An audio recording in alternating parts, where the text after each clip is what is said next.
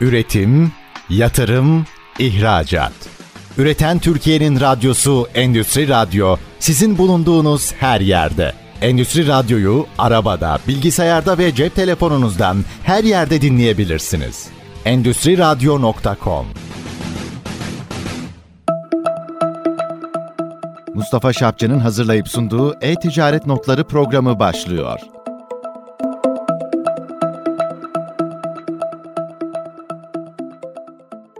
Üreten Türkiye'nin radyosu ST Endüstri Radyo'da bir e-ticaret notları programında daha beraberiz. Efendim diyoruz ki e-ticaret ama konumuz aslında bilişim. Yolu bilişimden geçen hemen herkesi programımıza konuk olarak almak istiyoruz. Evet, şimdi bugünkü konumuz bilişimde sivil toplum örgütleri. Bunları konuşalım istedik. Sivil toplum örgütleri bilişime yeterince destek veriyorlar mı? Faydalanıyorlar mı? diye yola çıkarken bir alternatif STK gözümüze çarpmıştı. Ben de bunun üyesiyim, e, bu derneğin üyesiyim. Bu derneğin üyesi olmaktan da mutluluk duyuyorum. Neydi efendim bu dernek? Bilgi Teknolojileri Derneği kısa adı bir tekler olan ve kurucu başkanlığını Sayın Murat Göçen'in yaptığı bir dernek. Farklı bir yapılanması var. Şöyle ki dernek kendi içerisinde yoğun bir network'e sahip. Bu ne anlama geliyor? Yani siz kalem almak istiyorsanız veya bir kalemle ilgili bilgi almak istiyorsanız derneğin network'üne dönüp bu isteğinizi bağırıyorsunuz ve oradan size bu konuyla ilgili yoğun şekilde hiçbir artı değer kazanımı gütmeden network'ten cevap geliyor. Bu sivil toplum örgütleri içerisinde çok az rastlanan hatta ve hatta bilişim sektöründe çok az olan bir yaklaşım şekli. Efendim bugün burada Bitekder'in başkan yardımcısı Sayın Bahar Küşat Erdem'le beraberiz. Bahar Hanım merhaba, hoş geldiniz. Hoş bulduk, çok teşekkür ederim Mustafa Bey. Ee, Nasıl oluştu bu fikir kafanızda? Bu kadar IT'nin üst düzeyindeki karar verici mekanizmadaki, karar verici merkezdeki insanı bir araya topladınız. Daha doğrusu bir araya gelmeye ikna ettiniz ki şöyle bir şey var görüyorum. Mesela e, bankacılık sektöründen bankacılığın IT'sini yöneten bir sürü insan, üst düzeydeki insan, birbirine rakip olan insanlar burada yan yana kahvaltı masalarında, konferanslarda ya da işbirliklerinde beraber oluyorlar. Aslında e, başkanımız Mustafa Dönmez Bey, o da bir bankanın evet. IT'sinden sorumlu e, yöneticisi. Kendisi e, genel kurallar itibariyle markayı evet, çalıştığı markayı birazcık geride bırakmamak için şu anda aramız yanımızda değil. Onun yerine vekaleten siz geldiniz. Sağ Hı-hı. olun. Evet, bir bir tekler fikri nereden çıktı? Önce onu konuşalım. Tabii. Şöyle açıkçası Bilgi Teknolojileri Derneği diğer derneklerden daha farklı olarak üyelerini eğitip, geliştirip, kariyerlerine yardımcı olmak, daha yetenekli bilişimciler oluşturup üyelerine fayda sağlamayı planlıyor. Gündeminde bir meslek paylaşım platformu yok ya da Türkiye'yi dijital dönüşüme götürme gibi çok büyük hedefleri de yok. Fakat her bir bilişim STK'sında olmadığı derecede üyeleri arasında her konuda dayanışma var. Bizim kurucu başkanımız Murat Göçe aynı zamanda BT Haber Şirketler Grubu'nda başkanı. Biz onun önderliğinde çıktığımız bu yolda adım adım çok mesafe kat ettik.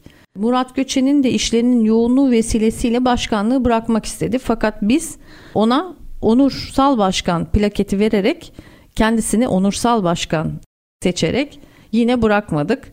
Tabii ki şu an yürütücü başkanımız az önce sizin belirttiğiniz gibi Mustafa Bey sizin adaşınız Mustafa Dönmez. Evet. Önemli bir bankada üst düzey yönetici IT tarafında. Başkan yardımcılarımız ise TEV'de Mustafa Meral var CIO yine. Bir de ben varım Bahar Küşater'den.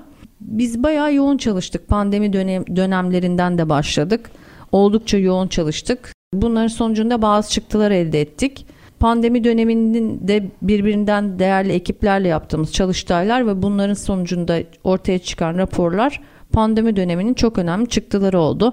Belki bu dönem çok dezavantajlı bir dönem görünse de bizim derneğimizin e, çok yeni olması vesilesiyle bizim bir tutkalımız oldu aslında Mustafa Bey. Peki pandemi döneminde e, neler yapıldı, neler yaşandı? Burada bu çalıştay gruplarıyla beraber güzel çalışmalar yaptık. Siber güvenlik, olumsuz çalışma koşulları, regülasyondaki belirsizlikler ve yetkilendirilmiş kurum eksikliği, dijital dönüşümdeki problemler gibi birçok çalıştay yaptık. Bu çalıştaylara da bizim yönetim kurulu üyeleri olan arkadaşlarımız başkanlık yaptı. Gerçekten çok değerli komiteler oluştu. Bu yapılan çalıştaylarla hazırlanan raporlar BT Haber'de yayınlandı o zaman için. Ve aynı zamanda Bitekler'in web sitesinde de sunduk. Diğer taraftan gönüllü olan çok değerli Bitekler Yönetim Kurulu'ndan gerek üyelerimizden bazı arkadaşlarımız mentor olmak istediler. Yine üyelerimize destek vermek için mentorlarımızla ilgili bir sayfamız da var. Yine Bitekler'in web sitesi içerisinde. 2021 yılı sonunda faaliyete geçirdik bu mentorluk sistemini. Üyelerimize ücretsiz olarak mentorluk desteği sağladık. Yani güzel bir mentor programı yaptık ve halen yapmaya devam ediyoruz. Peki Bahar Hanım bunların sonuçları neler oldu? Bu yaptığınız mentorluk çalışmalarının sonunda ortaya çıkan raporlamalar, değerlemeler bunlar nasıl değerlendirildi acaba? Sektöre etkisi ne oldu? Sektöre çok pozitif bir etkisi oldu. İlk olarak kendi komitemizden başlamak istiyorum. Kendi komitemiz içerisinde görüştüğümüz, çalıştığımız konuları biz bütün sivil toplum kuruluşlarına ve bütün bakanlıklara da gönderdik. İlgili Çalışma Bakanlığı'na da gönderdik. Bu yapmış olduğumuz çalışmanın ciddi bir çalışma olduğunu bizim arkadaşlarımız da görmüş oldu ve sektörümüz de bunu BT Haber'de okumuş, paylaşmış oldular. Dolayısıyla biz bunun etkilerini her bir alanda tek tek gördük. Çok faydalı oldu. Bugün sektörün gelişmesine bu arkadaşlarımız da faydalı oldular. Mentorlarımızdan da çok değerli arkadaşlarımız var. Yani hepsini tek tek ismen saymak uzun olur ama hala bizim Bilgi Teknolojileri Derneği'nde mentorluk yapan arkadaşlarımız var ve yeni başvuruları kabul ediyorlar bu arada. Eğer bilgi teknolojileri çalışanıysanız başvuru yapabilirsiniz herhangi bir alanda desteğe ihtiyacınız varsa işinizle, kariyerinizle ilgili hı hı. başvuruda bulunabilirsiniz. Ben kendimden de bahsedeyim aslında. Ben yazılımdan donanıma, cloud'dan sistem entegratörlerine, mobil sistemlere kadar birçok farklı yönde 20 yılı aşkın süredir bilişim sektöründe çalıştım. Kurumsal satış ve pazarlama ile kurumsal iletişim ve insan kaynakları alanında daha çok vardım. Bilişimin birçok farklı tarafında farklı müşterilerin birbirinden farklı projelerinde çalıştığım için de geniş bir bakış açısına sahip oldum. Hali hazırda bilişim sektöründe hızlı büyüyen bazı şirketlere de kurumsal iletişim ve insan kaynakları alanında danışmanlık hizmeti veriyorum. Bunun yanı sıra oluşan bilgi ve tecrübemi de sektörümüzün gelişmesi adına BİTEK'lerde çok değerli yönetim kurulu üyelerimiz ve başkanımız ile birlikte çalışarak değerlendiriyorum. Derneğimiz gerçekten hem ülkemize hem de sektörümüze fayda sağlamak için üyeleri arasında geliştirme ve dayanışmayı sağlamak için kuruldu. Bilişime dokunan herkesin derneği olacak olan BİTEK'ler kendisi için değil üyeleri için çalışıyor. Bilgi teknolojileri alanında çalışan herkesin katılımını bekleriz. Evet, BİTEK'ler yapısı ilginç bir yapılanma diye e, konuşmuştuk. Bir de çok ağır bütün üyelerin var olduğu bir WhatsApp grubu var sanıyorum. Orası da 7-24 yardım almak isteyen herkese açık şekilde evet. yürüyor. Bu grupla ilgili biraz konuşabilir miyiz? Tabii. Az evvel sizin de bahsettiğiniz gibi bizim kendi aramızdaki network dayanışma gerçekten birinci planda olan bir konu. Mesela biz 2023'e başlarken ilk Bitekler üyeleriyle olan buluşmamızı Bulutistan'ın sponsorluğunda Altunizade'de bulunan Sabancı DX Dijital Kampüs'te gerçekleştirdik. Yaklaşık 70 kadar üyemizle beraber bir pazar sabah kahvaltısına buluştuk bu organizasyonda. Yine konumuz bizim üyelerimize LinkedIn'den yapmış olduğumuz anket sonucunda çıkan konu kişisel iletişim ve networking konusuydu. Bu konunun çok önemli bir eğitmeni Erdal Uzunoğlu bize bir eğitim verdi orada kişisel iletişim ve networking konusunda. Çok keyif aldığımız bir organizasyon oldu. Bu Sabancı DX Dijital Campus'ten de biraz bahsedeyim. Sabancı Holding bünyesinde olmayan şirketlerin de buluşabildiği, startuplarla tanışabildiği, ortak ürünlerin geliştirildiği, kısacası tüm paydaşları bir araya getiren şehrin içinde ama doğayla iç içe bir ekosistem. Altunizade'de yeri. Hı hı. Bizim eğitmenimiz Erdal Uzunoğlu kişisel network ve iletişim alanında merhaba ve güler yüzle başlayan bir diyaloğun nerelere kadar varabileceğini birçok örnekle bize anlattı. En önemlisi galiba gündelik hayatımızda karşımızdakini aktif olarak dinlemiyor oluşumuz. Ee, en insanların... sıkıntı o aktif olarak evet. karşımızdakini dinleyip anlamama ve hep kendimizi ön plana çıkarma çabası evet. birçok bağlantıyı, birçok diyaloğu koparıyor ve işi tatsızlaştırıyor. Sonuçta çatışmalar çıkıyor ortaya. Doğru. Bir de insanların gerçekten karşılık beklemeksizin birbirine faydalı olmaya çalıştığı bir dünyayı hayal ettirdi bize. Hı hı. O pazar sabahı biz o günü gerçekten birbirimizi daha yakından tanımaya çalışarak farklı geçirdik. Bizim genelde üyelerimiz bilişim sektöründe bir uzmanlığın göstergesi olan birçok akredite sertifikalı eğitimleri nerede verildiğini biliyor ve bunları alabiliyor. Bizim bu konuda bir katkımız olmuyor. Fakat bizim yaptığımız anketlerde genellikle en yüksek oyu network oluşturma ve ilişkilerin gücü gibi eğitim başlıkları alıyor. Galiba biz de Mustafa Bey doğru bir şey yapıyoruz. Üyelerimizi bir araya getiriyoruz. Böylelikle yeni kişilerle tanışıp gerek bu toplantılarda ya da WhatsApp grubunda birbirlerinden referans ve tavsiye alabiliyorlar. Birlikte projeler geliştirip fikir alışverişlerinde bulunuyorlar. Hatta barterla ilgili bile şeyler oluyor. İşte benim böyle bir imkanım var. Senin ilgini çekebilir. Sen de bana böyle bir şey yapabilirsin gibi bir ortak alışveriş konuları bile olabiliyor. Evet ben mesela çok önemli bir şeye şahit olmuştum. Bizim bir tek derde 5 büyük bankanın IT yöneticisi var. Üst düzey yöneticileri. Bunların içerisinden bir tanesi ciddi bir sıkıntı yaşamıştı e, bir hafta sonu. Sonraki bir toplantıda bir baktım ki o IT'ciler, o 5 büyük bankanın IT'cisi köşede kafa kafaya vermişler. Bir şeyleri paylaşıyorlar. Ne oldu? Nasıl çözdünüz? Nasıl sorun ortaya çıktı gibi çok tatlı bir sohbet vardı. O sohbetten siber saldırılardan nasıl korunabiliriz görmüşlerdi.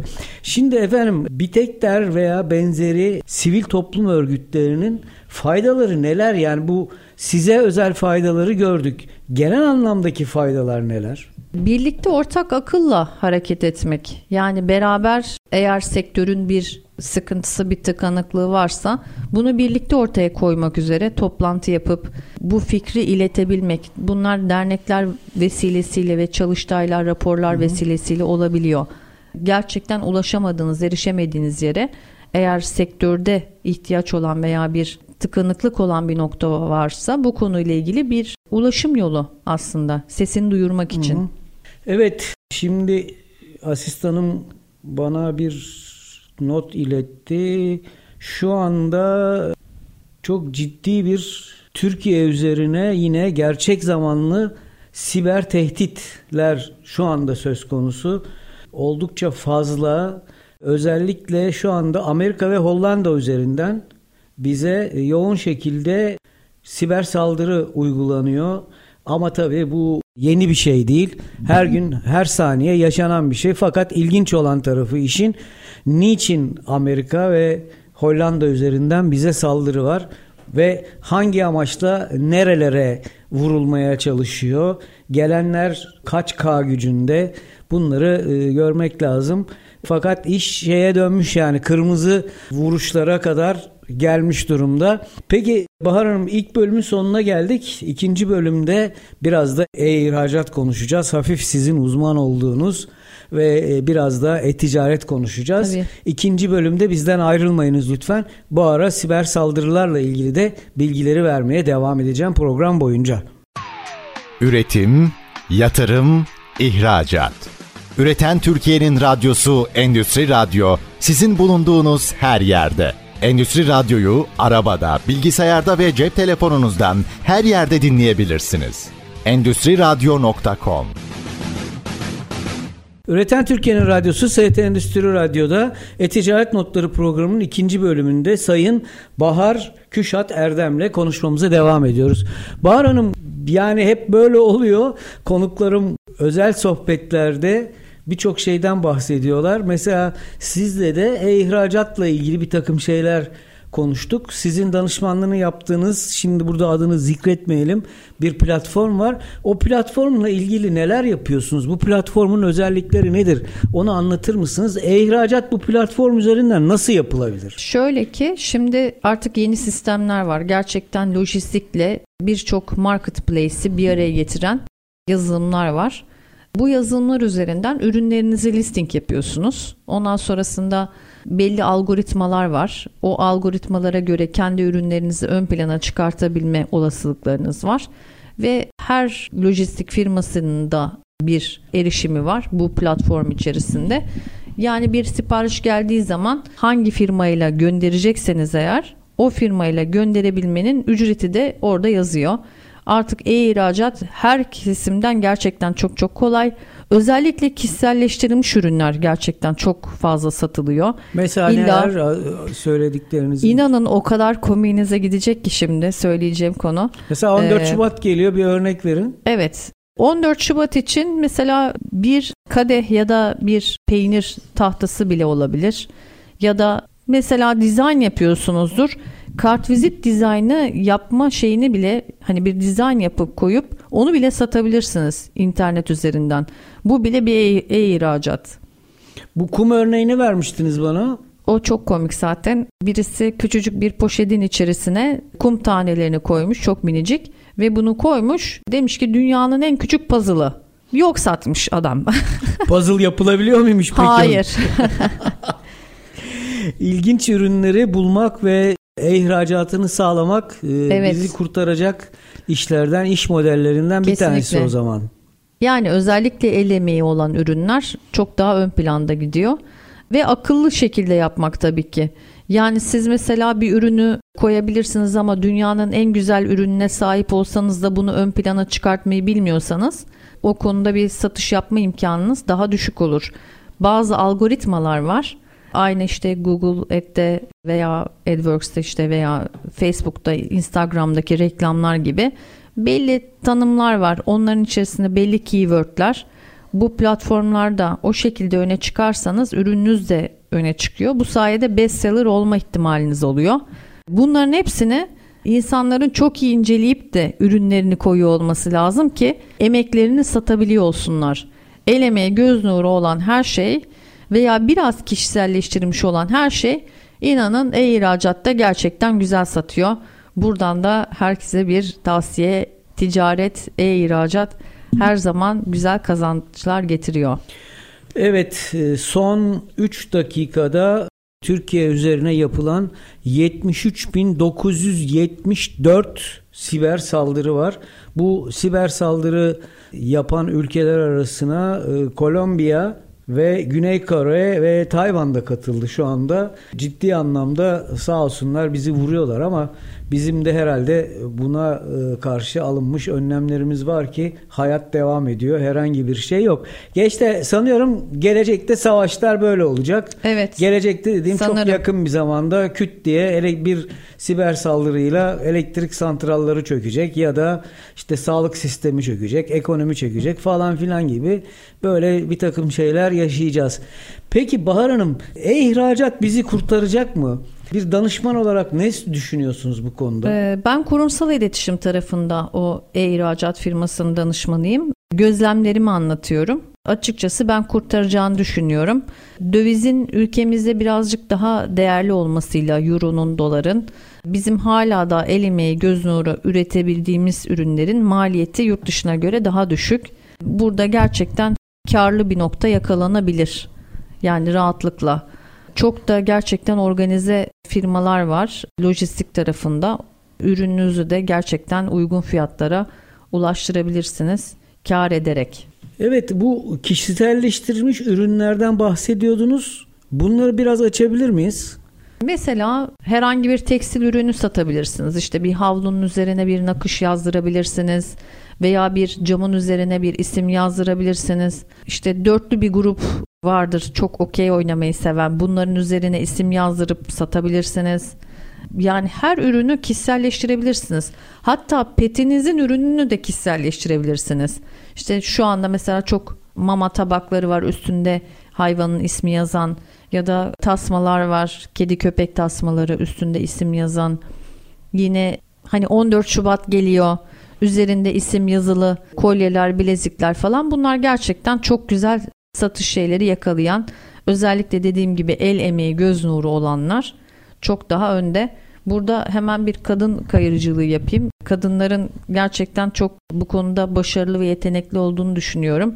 Eğer e-ticaret yapacak niyetli olan kişiler varsa kadınlarımızın el emeğini, göz nurunu değerlendirme yolunda bir girişimde bulunması onları ön plana çıkartır diye düşünüyorum.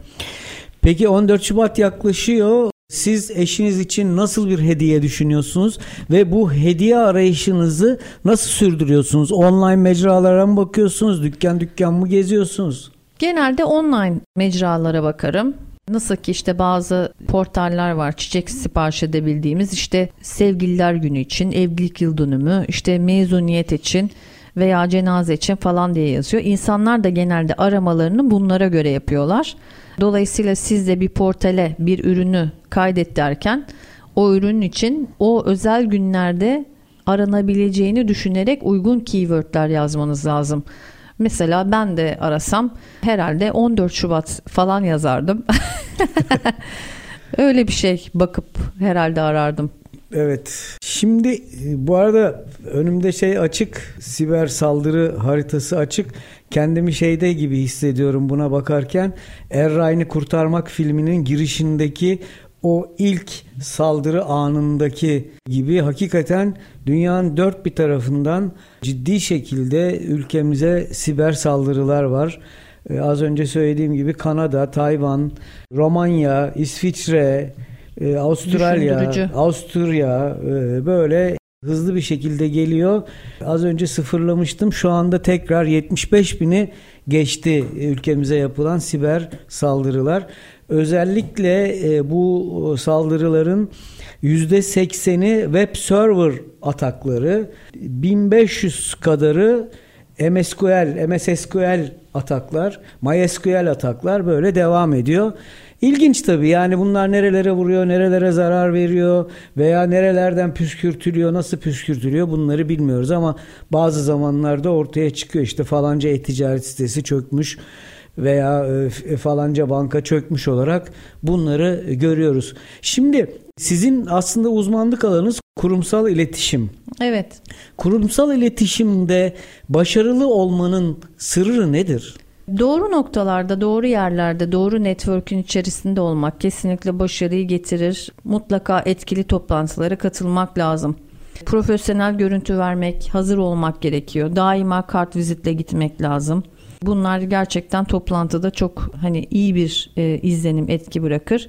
Kurumsal iletişim daha firmanın yöneticilerinden başlayarak ta ki dışarıdaki markanızın nasıl göründüğüne kadar uzanan bir şeydir. Geniş bir panoramadır. Rakiplerin ne yaptığını bilmek lazım. Doğru şekilde kendini ifade etmek gerekiyor. İşte etik olmak lazım. Bunlar gerçekten çok önemli. Çok zarif olmak gerekiyor kurumsal iletişimde de. Peki aslında soruyu eksik sordum.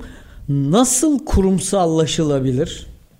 Bir şirket kendisini nasıl kurumsal hale getirebilir? Bir şirket öncelikle görev ve yetki tanımlarını doğru şekilde oluşturarak çalışanlar arasında kimin hangi yetki ve görev alanında çalışacağını ona iletmesi gerekir. İşte bir organizasyon şeması olması lazım.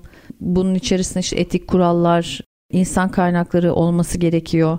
Bunların profesyonelce yönetilmesi lazım ve markanın da profesyonel şekilde yönetilmesi gerekir. Bunun içerisinde genellikle marka iletişimi, pazarlama yönetimi gibi faktörler de var. Yani gerçekten şey çoklu bir sistemin çok doğru bir şekilde işliyor olması lazım. Yine insanlarla yani çok daha doğru profesyonellerle kurumsallaşılır. Evet peki Baran şeye devam edelim. Kurumsallaşmaya devam edelim. Kurumsallaşma Aha. konusuna devam edelim. Siz araştırmalarınızda veya müşterilerinize örnek verirken en iyi kurumsallaşma nasıl oluyor? Yani bir tane mesela bir örnek verebilir misiniz? Falanca firmanın kurumsal çalışma şeklini çok beğeniyorum dersek hangisi olabilir? Kurumsallaşmada kesinlikle aile şirketlerinde e, biraz yönetimden uzak kalmak, ilgili profesyonelleri göreve getirmek ve onlara görevleri assign etmek çok önemli. Eğer firma sahipleri profesyonelleri işe alıp hala kendileri yönetimle ilgili ve basit şeylerle ilgili işleri kendilerinde toplarlarsa kurumsallaşmaları zor. CEO konumundaki bir kişinin gerçekten işi geliştirmeye devam etmesi lazım. Bunun için basit işleri işleri de yürüyen hali hazırda bazı pratikleri yapabilecek yetkilileri işe alması gerekiyor ve onlara o işleri bırakması lazım. Yani böyle kurumsallaşılır. Patron şirketi olmaktan uzaklaşmak için biraz profesyonellere bırakmak gerekiyor. En azından basit ve tekrarlı işleri. Evet yani o zaman bu patronun yetkilerini budamak anlamına mı geliyor yoksa patronun daha az görünürlüğünü sağlamak mı? Yetkilendirme aslında basit şeyler için profesyonellerin karar vermesini için belli limitler, belli yetki alanları tanımlamak, daha üst pozisyondaki şirketin stratejisiyle ilgili olan konularda yine patronlar karar verici olsunlar. Ama basit şeyler için profesyonelleri yetkilendirsinler. Böylelikle şirketleri büyüdüğünde zaten kurumsallaşma ihtiyacı da belli bir büyüklükten sonra ortaya çıkar. Daha rahat bir şekilde yollarına devam ederler, yön verirler, yeniliklere açık olurlar. Bunları takip edip bunları uygulayacak veya yeni vizyonlar katacak nefesleri olur. Kurumlar büyüdükçe her şeyle kendileri uğraşan patronlar bunları yapamayabiliyorlar. Peki her şeyle uğraşan patron başarısızlık getiriyor mu? Yok hızlıca ayak uyduramayabilir. Yani daha genç nesilden birileri gelip hızlıca onun ulaştığı yere ulaşıp hatta ondan daha ileriye de geçebilir. Her şeyle uğraşan patron genelde çok hızlı değişikliklere adapte olamaz. Çünkü ufak tefek işlerle uğraşmak sebebiyle şirketin vizyonuna katkıda bulunacak veya daha ileriye götürecek stratejileri araştırma fırsatı olmaz. Bu da çok önemli bir şey yani. Evet. Çok önemli.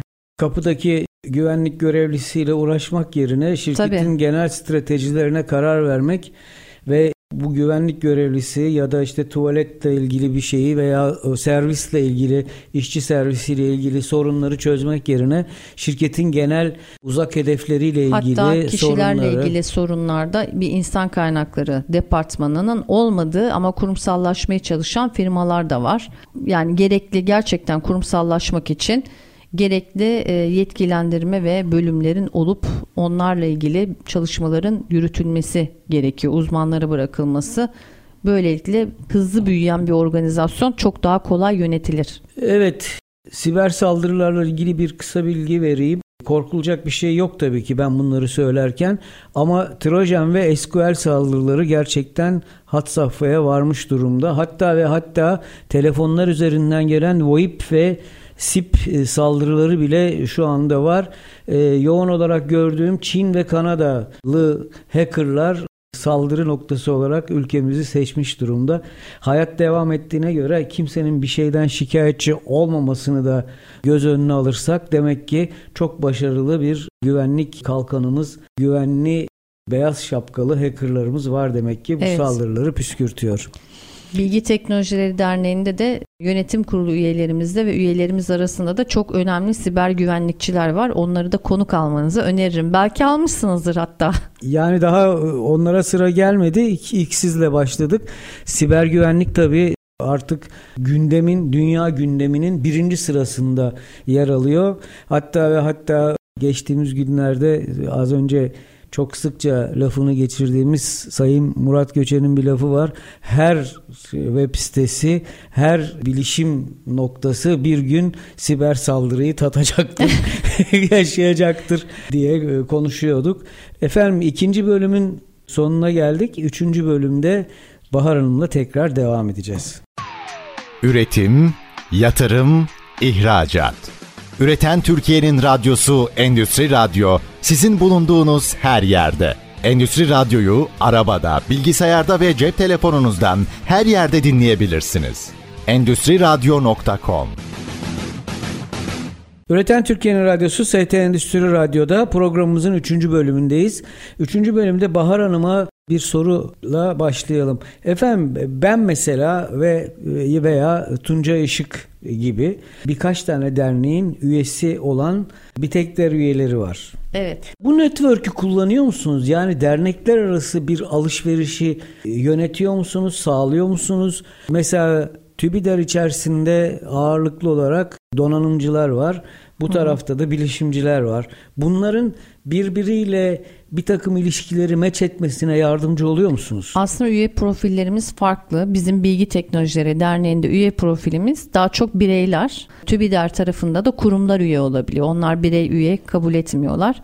Doğru söylüyorsunuz. Onlarda mesela bazı yapılan çalışmalar var. Tunca Işık da TÜBİDAR'de. Bizim aynı zamanda eski başkan yardımcımız. Onların yapacağı bazı çalıştaylar var. Onlarla beraber biz bir iş birlikteliği üzerinde bazı çalışmalar yapacağız. Geçmişte de hem iş birliktelikleri başka derneklerle hem de farklı iş kollarıyla bazı çalışmalar yaptık. Bu bizim iş birliktelikleri komitesinin işi aslında. Hem Mustafa Dönmez hem Mustafa Meral hem ben hem de Mustafa Ulus gibi arkadaşlarımız var. Engin Işık gibi arkadaşlarımız var bu komitenin içerisinde. Şeyde Biteklerde Mustafa enflasyonu var. Mustafa enflasyonu var doğru evet. 4 Mustafa e, şimdi Hı-hı. benle beraber 5. Evet. Ondan sonra evet. Peki yani şunu mu söylüyorsunuz? Bitekler içerisinde bir e-ticaret uzmanı öbür tarafta e, bir e-ticaret şirketinin elemanı olabilir veya Bitekler üyesi bir e-ticaret şirketi eleman ihtiyacını bir tekler içerisinden Kesinlikle. Örneğin işte bizim WhatsApp grubumuzdan biz herhangi bir ürün aradığımızda, bir hizmet aradığımızda ya da bir personel arayışı içerisinde olan bir arkadaşımızın ilanını buradan paylaşıyoruz. Bu da gerçekten insanların birbirleriyle buluşmasını sağlıyor. Yani arz ve talep buluşuyor aslında bizim WhatsApp grubunun içerisinde. Bu da önemli katkılardan bir tanesi bence yapılan oluşturulan network sivil toplum örgütlerinin hedefi mi olmalı? Herkesin hedefi aslında farklı. Yani bizim kendi hedefimiz için ben konuşabilirim. Hı hı. Bazıları işte sektörü sadece geliştirmek olabilir. Bazıları işte belki kurumlarla devletin arasındaki iletişimi sağlamak olabilir. Biz hem sektörü hem de bireylerin kariyerini ve yaşantısını daha bu anlamda geliştirmek bizim hedefimiz bu networkle. Yani biz kendi üyelerine fayda sağlayan bir grubuz. Bizim grubumuzun içerisinde de bilişimden ekmeğini kazanan herkes var. Sadece CIO'lar yok mesela. İşte e, siber güvenlikçiler var. Bunların satan firmada çalışan yönetici arkadaşlarımız var. Sizin bahsettiğiniz gibi bir bankada çalışan bir üst düzey yönetici arkadaşlarımız da var. Organize sanayi bölgelerinin IT altyapısını kuran arkadaşlarımız da var çok karma bir grup. Mesela Yasat'tan da arkadaşımız var bizim Hı. grubumuzun içerisinde. Onlar da işte yazılım satışıyla uğraşan bir şirkette çalışan bir arkadaşımız o da Emine Hanım. Karma bir grubuz yani. Karma grubuz dediniz ve giderek de güçlenen bir network'ten bahsediyoruz. Bir federasyon ya da bir başka oluşumun içerisinde e, yer almayı düşünüyor musunuz? Var mı planlarınızda? Şu an için gündemimizde yok açıkçası. Biz şu an için sadece basit, en basit haliyle kendi üyelerimize destek vermek üzere devam ediyoruz. Peki Biteklere nasıl üye olunuyor? Bitekler'e üye olmak için Bilgi Teknolojileri Derneği'nin bir sayfası var. bitekler.org. Buraya üye olup yani bu siteye girip oradan nasıl üye olunur kısmındaki formu doldurmak gerekiyor. Formu doldurduktan sonra bu yönetim kurulu toplantısında sizin bilgileriniz yönetim kurulunun önüne düşüyor. Eğer sizin bilgi sistemleri tarafında, bilgi teknolojileri tarafında bir çalışan olduğunuz LinkedIn profilinizden vesaire referanslarınızdan doğrulanırsa üye olmuş oluyorsunuz. Bir giriş bedeli ödüyorsunuz. Ne kadar bu giriş bedeli? Ee, bu 2022 için ve hala daha şu an 2023 için 50 TL'ydi. Bayağı Çok sembolik bir şey kaldı. Evet. evet. Ve bizim yıllık aidatımız da 50 Türk lirasıydı.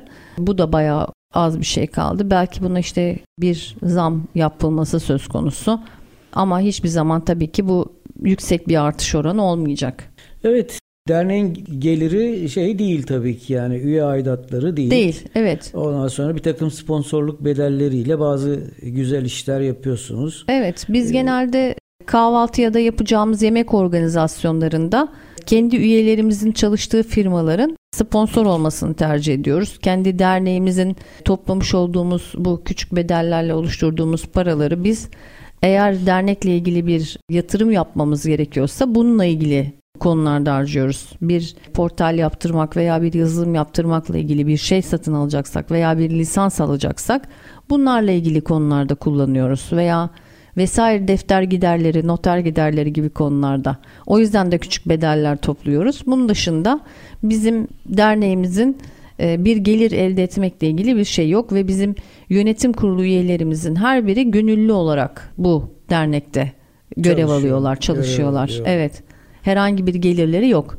Bizim derneğimizde hiç kimsenin bir geliri yok. yani tek gelir kaynağı insanların yüzündeki mutluluk ve işlerin sonuçlandığı andaki tatlı rehaveti hissetmek. Bunu zaman zaman ben de yaşıyorum, görüyorum. Dün grupta şey vardı işte e, bugün sabah başladı galiba konuşuluyordu. Bir yazılımla ilgili e, ihtiyacı orada bir üye dile evet. getirdi ve ona karşılık işte nasıl olacak, ne olacak falan filan gibi Birkaç kişi birden vardı. cevap yazdı. Evet. Evet. Hızlıca. E, hızlıca ve iş sanıyorum sonra özele taşındı ve Tabii, çözüme ulaşmıştır. Ve yardımlaşma ile ilgili bir konuydu. Evet. E, bu tarz şeyler bizim üyelerimiz arasında sıkça oluyor veya bir projeyi beraber girmek için bir iş ortaklığı yaratma da oluyor. Bilgi teknolojisi çalışanlarını derneğimize üye olmalarını bekliyoruz. Yani Sadece çalışanlar mı şirketler üye olmuyor mu? Kurumsal üyelik almıyoruz ama şu anda. Hı hı. Yani şöyle bir şey olabilir. Bir kurumun ortağı yöneticisi bizim üyemiz olabilir. Yani evet. Bir kurum olarak bize ilk başlarda da çokça şey geldi, talep geldi. Biz o tarz bir üyelik e, modeli yaratmadık. E, bizim tüzüğümüzde sadece bireysel üyelik vardı. Biz de bu şekilde devam ettik. Yine firma sahibi olup da bizim üyemiz olabilir. Bu bilişim sektöründe ve donanım sektöründe çokça toplantı, çokça konferans, çalıştay bir sürü şey yapılıyor.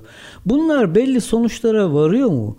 Yani bir sorun bilişim sektöründe bir sorun masaya yatırıldığı zaman çözüm çıkıyor mu ortaya ve bu çözüm ilgili mercilere iletildiğinde sonuçlanıyor mu? Şöyle biz Çalışma ve Sosyal Güvenlik Bakanlığı'na ilettik. Daha birçok e, makama ilettik. Kendi çalıştay raporlarımızı. Açıkçası dikkate alındığını eminim. Diğer taraftan bu konularla ilgili mesela regülasyonlarla ilgili konuların e, çözüldüğünü biliyoruz. Hatta bizim bu sorunu tespit edip söylemeyle beraber bu konuların çözüldüğünü biliyoruz. Dolayısıyla zaten şey Türkiye'de gerçekten bilişim sektörü özellikle kamu tarafında da güzel ve hızlı ilerlediğini ben düşünüyorum. Hatta geçenlerde Urla'ya da bir bilişim vadisi açılacağını öğrendim. Ha, evet bu konuyu evet. biraz öte anlatır mısınız? İkinci bilişim vadisi şöyle bir tanesi İzmit'te ilki. Evet. Orada. İkincisi de Urla'da açılıyormuş İzmir'de. Bunun da temelleri yaklaşık iki yıl önce kadar atılmış bildiğim kadarıyla. Mart ayında Bilişim Vadisi açılıyor. Güzelbahçe tarafındaydı yanlış hatırlamıyorsam Hı-hı. İzmir'de. E, Urla tarafında yani birçok firmanın da orada yer almak üzere şimdiden başvuruda bulunduğunu duymuştum. Gerçekten şey hızlı ilerliyor yani. Bu çalıştayların sonuçları, raporlar biz bunları iletiyoruz. Fakat şey olarak devletimiz, hükümetimiz gerçekten hızlıca aksiyonlar alıyor diye düşünüyorum ben. Peki bu teknoloji ofisiyle, Cumhurbaşkanlığı Teknolojisi Ofisiyle bağlantılarınız var mı bir tekler olarak? Onlara raporlar sunuyor musunuz? Açıkçası biz hani direkt teker teker bir rapor sunmuyoruz ama eğer çalıştaylarımız olursa bunların sonucunda resmi raporlar oluşturursak bunları sunuyoruz. Ee, özel bir bağlantımız yok. Herkesin olduğu kadar. Evet, sivil toplum örgütünün yöneticisi olmak nasıl bir duygu? Güzel, sorumluluk verici bir şey. Yani insanda gerçekten çok pozitif bir şey uyandırıyor. Faydalı olmak. Belli bir seviyeye geldikten sonra hani yaş ve sene olarak Sonrasında zaten tecrübenizi aktarmak veya faydalı olmak istiyorsunuz. Ya eğer eğitiminizi doktor önünde tamamladıysanız belki üniversitede bir ders verebilirsiniz sektörünüzle ilgili. Ya da bir bu tarz bir sivil toplum kuruluşuna bir örgütüne üye olup ya da yönetim kadrosunda olup o konuda destek verebilirsiniz. Bu sizin aslında birazcık da kişilik tipinizle de alakalı. Eğer dışa dönük yapıya sahip bir insansanız ve bu tarz şeylerde kendinizi iyi hissediyorsanız oluşan tecrübe bilgi birikiminizi paylaşmak, bir şeyler yapmak istiyorsunuz günün sonunda. Peki üniversitelerle bağlantılarınız nasıl? Var üniversitelerle bizim bazı üyelerimizden yüksek lisans eğitimini almak ya da doktora eğitimini almak üzere bize bazı üniversitelerle işbirlikteliği eğer yapılırsa, buralarda belli indirimler alınırsa bizim için faydalı olur diye ilettiler. Bu konuda da bazı çalışmalar yaptık. Şu an hali hazırda üniversite ismi vermeyeyim ama bu çalışmaların neticesinde e, güzel şeyler sonuçlanacak. Güzel indirim oranları alacağız. Yani bizim derneğimize üye olanlar hem lisansüstü eğitimde hem de doktora eğitiminde güzel indirimler alacaklar. Üniversitelerle şeyiniz var mı? Ee, bilim, bilişim anlamında. Var. Ders veren arkadaşımız var. Mesela Doktor Seyit Kaya var. O da Haliç Üniversitesi'nde ders veriyor. işletme bilimleri tarafında. Bizim üyelerimiz arasında gerçekten çok değerli arkadaşlarımız var. Üniversitelerde ders veren. Ee, onlar da yine üniversitede ders vermek üzere hani sektörel konuda kendi bilim ve ihtisasını anlatmak üzere istekli olan arkadaşlara mentorluk da yapıyorlar aynı zamanda. Böyle gönüllü arkadaşlarımız da var. Evet. Sizin küçük bir kızınız var. Onun e-ticarete yaklaşımı nasıl? Bir şeyler seçip size söylüyor mu? Anne bunu alalım, şunu alalım online'da. Evet, benim kızım 8 yaşında. Önlerinde tablet, robotik kodlama, her türlü imkan internet üzerinden onların önünde. Zaten ödevlerini bile o şekilde yapıyorlar. O yüzden çok aşina. Benim cep telefonumu alıp orada bir şeyleri işaretleyip anne ben bunları aldım diyor. Allah'tan ki sonuca getirmiyor. Henüz onu bilemiyor, bilemediği için. Bu yüzden şu an için kendimi bir karda sayıyorum ama ileride eminim çok sağlam bir e-ticaret alışverişi yapan bir çocuk olacak. Biz de katkıda bulunuyoruz yani kendi bütçemizde e-ticarete. Özellikle oyuncak ithalatında iyiyiz yani evde. oyuncak mı seçiyor daha çok? Tabii.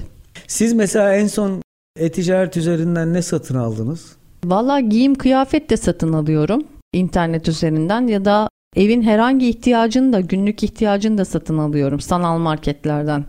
Her şeyi satın alıyoruz artık. Hatta hani muallakta kaldığımız konularda bir alt bedenini bir üst bedenini sipariş edip deneyip olmayanını geri gönderip yakalandınız evet. Evet sipariş edebiliyoruz yani.